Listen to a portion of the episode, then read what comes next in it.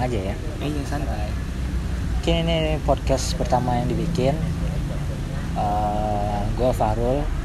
Sekarang gue udah sama Doko. Ini mungkin podcast ini dibikin dalam uh, rangka untuk memperkaya kazana diskusi kita mengenai uh, aktivisme gerakan mahasiswa. Uh, mungkin pendekatan attachment bahasanya pakai gua lu ya.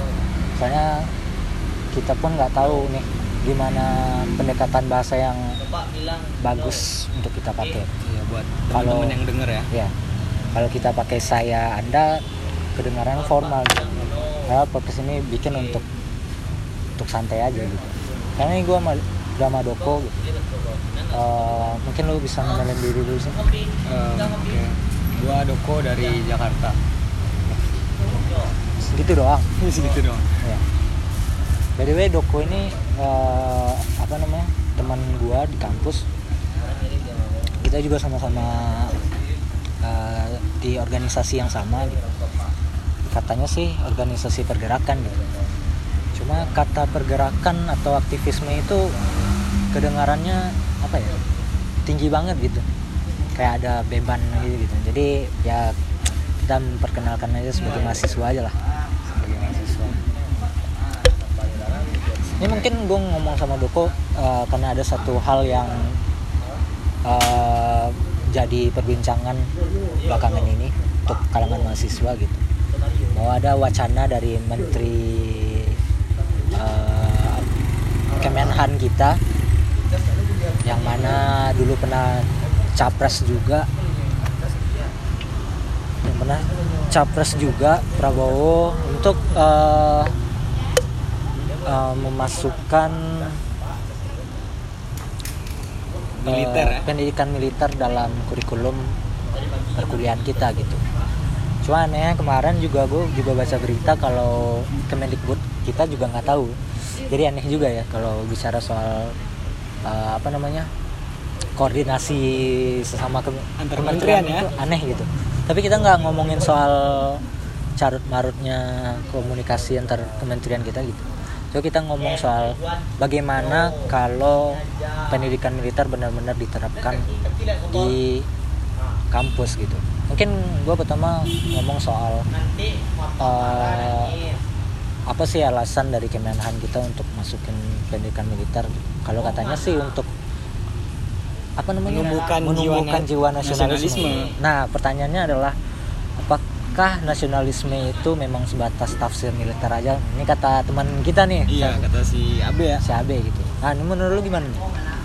tentang pendidikan militer di kalangan kita lah sebagai mahasiswa ya. Iya, Em, kalau menurut gua em, alasan yang paling pertamanya tentang eh, supaya menumbuhkan rasa nasionalisme itu nggak masuk akal gitu kan. Gimana tuh? Soalnya nasionalisme seseorang itu nggak bisa diukur menurut gua sih ya. Hmm. Soalnya nggak nggak seluruhnya em, teman-teman kita yang jadi militer atau jadi abdi-abdi negara lah itu dikatakan nasionalis dan sedangkan kita kita yang hanya sebagai mahasiswa notabene ya kan Iya, kita di- di- tidak dikatakan sebagai orang-orang yang tidak nasionalis gitu iya. makanya perlu ditanamkan ke kita pendidikan militer jadi gue masih kayak nggak nggak paham sama apa tujuan Logikanya dari ya. menhan kita ini untuk memasukkan pendidikan militer ke ranah kampus ya. Terus kalau kita ngomongin tentang koordinasi tadi kan yang apa namanya ya kalau gue dengar dengar ada dari teman-teman gue di kampus kan kalau pendidikan militer ini wajib bakal dimasukin ke SKS kan? Iya. gue yang, yang gue denger denger itu. Tapi gue gue juga ada baca di artikel kan Hmm. jadi pendidikan militer ini bakal disatuin sama kampus merdeka Oh, kampus yang Merdeka. ya, kampus Ah, merdeka Apa tuh? Kampus Merdeka. Mungkin dari yang mendengar nggak tahu. gitu. Em, kampus merdeka itu wacana dari Kemendikbud untuk eh, menyatukan gitu semua mata kuliah umum di mata kuliah. di di satu kampus jadi kita misalnya gue nih ngambil kelas bahasa Indonesia Ya. jadi nggak harus sama anak hukum doang gitu Oh, pengambilan gitu. cakupannya ke universitas, ya Iya. Jadi kita bisa ketemu sama anak-anak jurusan lain. Balik lagi ke tentang eh tentang yang tadi kan. Eh, wacana bakal dimasukin ke kampus mereka. Kalau pendidikan militer itu ada juga yang ngomongin kalau itu nggak wajib. Nggak wajib? Nggak wajib kalau kalau kita harus ngambil pendidikan militer itu. Itu kayak cuman opsional? Oh opsional. Kita bakal ngambil pendidikan militer itu atau enggak gitu. Sebenarnya itu sih eh, info yang simpang siur. Jadi kita juga nggak bisa apa ya nuntut apa-apa dan nge nyampein apa-apa gitu nyampein opini apa-apa ke yang bikin kebijakan itu sih menurut gua untuk awalannya Yap. Kalau mungkin terlepas dari ini opsional atau kita nggak tahu informasi yang sebenarnya gitu. Cuma kalau kita berandai-andai nih, kalau memang pendidikan militer memang dimasukin dalam kurikulum dan semuanya diwajibkan. Menurut lu apa sih urgensi dari pendidikan militer ini sendiri? urgensi Kalau gimana ya, gue mungkin kalau kita ngomongin soal uh, tafsir militer soal nasionalisme mungkin nggak terlepas dari historis kita juga gitu. Bahwa ki- militer katanya dominasi militer juga besar mungkin dari pasca kemerdekaan maupun kita juga tahu rezim kita pernah dalam rezim militer juga gitu. Tapi apa sih kalau menurut lu urgensi dari kenapa kita harus nerapin pendidikan militer atau semacamnya gitu? Eh, menurut gua alasan yang bukan alasan ya historis yang paling masuk akal menurut gua tentang pendidikan militer ini dimasukin ke kurikulum perkuliahan Iya. kayak kita tuh udah terlalu terstik, eh, terstigma kalau misalkan militer itu orang-orang nasionalis itu sih Hmm. menurut gue yang pertama Iya. karena nggak bisa dipungkiri dong ten- eh, Pak Harto 32 tahun ya. Iya. dan itu latar belakang militer. Dan dia pasti memupuk eh, apa namanya nilai-nilai militer di negara kita kan. Dan em, mahasiswa-mahasiswa yang begajulan kayak kita Begajulan. yang nggak jelas gini kan. Ngopi mulu. Ngopi mulu. Itu yang jadi apa namanya ya? Em, apa namanya paradoks bagi bagi hal tersebut gitu bagi militer tersebut. Jadi kayak hal yang berbanding terbalik. Jadi stigma militer yang baik dan kita yang apa namanya hura-hura doang kerjaannya gitu. Jadi menu- eh, apa namanya logika berpikir yang dibikin sama pemerintah itu kalau misalkan kita ngikutin pendidikan militer otomatis kita bakal cinta sama tanah air. Iya. dan menurut gue itu logika yang salah ya. Logika. Soalnya kalau kita tarik lebih jauh lagi nasionalisme bukan tentang militer doang bukan tentang cium bendera bukan tentang baris eh, berbaris. iya bukan tentang cium bendera baris berbaris dan bukan tentang nyanyi Indonesia nyanyi lagu Indonesia Raya doang. Jadi menurut gua kayak contoh-contoh eh, apa namanya orang-orang nasionalis zaman sekarang bisa aja misalnya dia membanggakan nama mengharumkan nama Indonesia di bidang-bidang mereka masing-masing. Itu menurut gua lebih masuk akal lah Masuk akal ya. Daripada militer-militer yang diwacanain sekarang Iya. Lagian mungkin ini apa ya namanya? Mungkin disclaimer dulu kalau ini bukan bermaksud untuk mendiskreditkan militer. Mungkin pendengar ada yang keluarganya militer atau segala macamnya. Iya, benar-benar juga sih Cuma mungkin ini lebih bagaimana sih eh, keterbatasan kita dalam mendefinisikan nasionalisme. Apakah itu hanya sebatas militer? dan menurut gue ya gue juga mau nanya dong kalau gitu. Ah, kalau menurut gue tadi kan kayak gitu kan tentang nasionalisme nggak harus dibanding-bandingin dengan militer. Kalau menurut lu gimana? Kalau misalkan wacana ini emang dilanjutkan dan ya, menurut gue eh kayaknya kan lu masih setahun lagi di kampus nih iya. jadi kemungkinan ada Mudah-mudahan. ada ca- ada chance buat lu dapetin dapetin SKS nya SKS itu kan. Jadi menurut lu gimana tuh tuh eh balik lagi latar belakang tadi ya gitu. karena kita nggak pernah dididik secara militer masuk kuliah juga sering telat itu punya masalah banget sih dengan logika yang dibangun. Kalau militer itu memang untuk memupuk rasa nasionalisme kita gitu. Seolah-olah eh, apa yang kita kerjain selain militer itu nggak nasionalis. Terus itu anaknya sih itu. Dan kayak yang wacana sekarang ini kayak gini juga sih nggak sih? Kayak Indonesia tuh seakan-akan mau pemudanya buat ikut wamil gitu. Iya kan apa namanya kasarnya kayak gitu kan Iya. kayak misalkan di uh, Kor- Korea Selatan kan Iya. ada wamil di umur berapa lupa gua Eh, pak saat saat setelah kuliah gitu itu dia bakal eh, ikut wamil dalam setahun kan Iya. tapi kalau misalkan kita contoh di situ masuk akal nggak sih Nah itu jadi pertanyaannya gitu. Kan kalau kita uh, merujuk ke Korea Selatan, kita tahu kalau Korea Selatan juga negara yang rentan.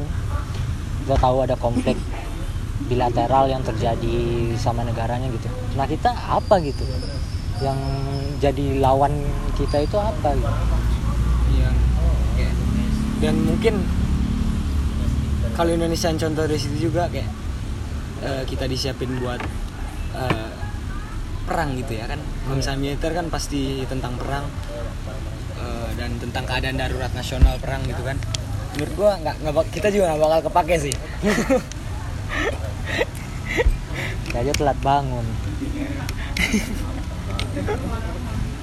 mungkin kita mati yang paling pertama kalau misalnya kita benar-benar Iya. Nah, tadi kita udah bahas soal apa tadi kita bahas? Soal wacana wacana pendidikan militer masuk kampus Dan- dan segala macam wacana. sampai Sekarang ke mungkin- Korea Selatan ya Iya. Sekarang kita bakal bahas uh, soal menurut lu militer tuh gimana sih? dalam Karena kan nah, biasanya ini di keluarga gua aja nih melihat militer orang berseragam tuh keren. Menurut gimana? Hmm, kalau dari apa namanya em, lingkungan gua mungkin kalau militer ini emang sa- sa- mungkin sama semua sih tentang militer itu orang berseragam itu keren dan gue juga dulu pernah disuruh buat ikut tes polisi kan dan gue Iya. gagal. Jadi kayak se sekeren bukan sekeren ya seberwibawa itu em, orang-orang berseragam kayak militer polisi dan lain-lain. Dan kalau menurut guanya ya just pekerjaan sih. Kayak misalkan dia emang ngerjain tugas dan kewajiban dia dan dia digaji negara. Dan ya menurut gua sa- nggak bukan gimana ya? Eh, menurut gua nggak ada bedanya sama kita warga sipil gitu. Iya. dia sama-sama war- warga negara Indonesia juga. Jadi nggak ada spesialnya. Jadi tetap aja itu just sebuah pekerjaan. Hmm.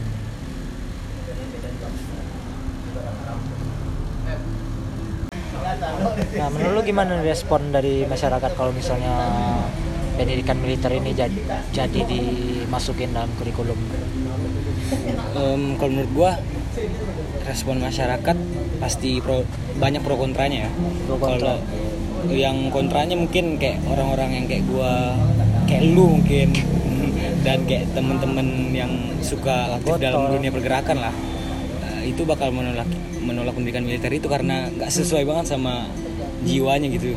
Dan nggak bisa ditahan-tahan. Jiwa pembangkangnya. jiwa pembangkangnya. Dan dari sisi eh, pronya kemungkinan. Kan anak-anak milenial sekarang kan pada suka banget sama Korea Korea dan eh, di dal kayak di drama-drama Korea itu kan banyak banget tuh kok. Kayak pemain-pemainnya yang militer-militer. ya militer-militer yang ikut-ikut wajib militer kan jadi itu kayak sosok yang keren orang-orang yang berseragam itu kayak keren gitu menurut mereka kan jadi mereka juga bakal banyak penasaran tentang itu dan di situ sih sisi kayak ba- bakal ada orang yang tetap eh, pro yang pro ya. Iya. dan satu lagi orang yang pro kayak yang Orang kayak lu tua. bilang tadi orang orang tua yang mikirin tentang militer itu berwibawa Disiplin. disiplin dan apa namanya stigma stigma militer yang udah ada sekarang sih yang udah udah ada selama ini. Jadi itu sih menurut gua. Nah, mungkin ini pertanyaan terakhir sebelum kita menutup podcast ini. Gimana menurut lo kalau wacana pendidikan militer ini jadi? Dan terlaksana efek, gitu. efek ke, ke depannya gimana? gimana kalau pendidikan militer ini jadi terlaksana? Menurut gua kalau gue sih gue pasti nentang ya. Kalau gue pribadi gue pasti nggak nerima tentang pendidikan militer ini. Dan kalau dampaknya gue yang paling gue takutin sih buat eh, beberapa tahun ke depan sih. Ketika kita udah ada kurikulum pendidikan militer dan mahasiswa setelah mengikuti itu semuanya otomatis eh, gue takutnya mahasiswa ini kehilangan jati dirinya gitu menurut gue patuh itu boleh tapi ketika ada kebijakan yang seharusnya kita ubah kita advokasi itu menurut gue apa namanya kalau kalau misalkan kita tetap patuh-patuh aja itu bakal menghilangkan kontrol kita kepada penguasa sih. Jadi eh, fungsi mahasiswa itu hilang. Itu sih menurut gue Iya. Oke mungkin itu doang ya. Dan terserah lu mau masuk militer atau enggak yang penting jangan buang sampah sembarangan 早。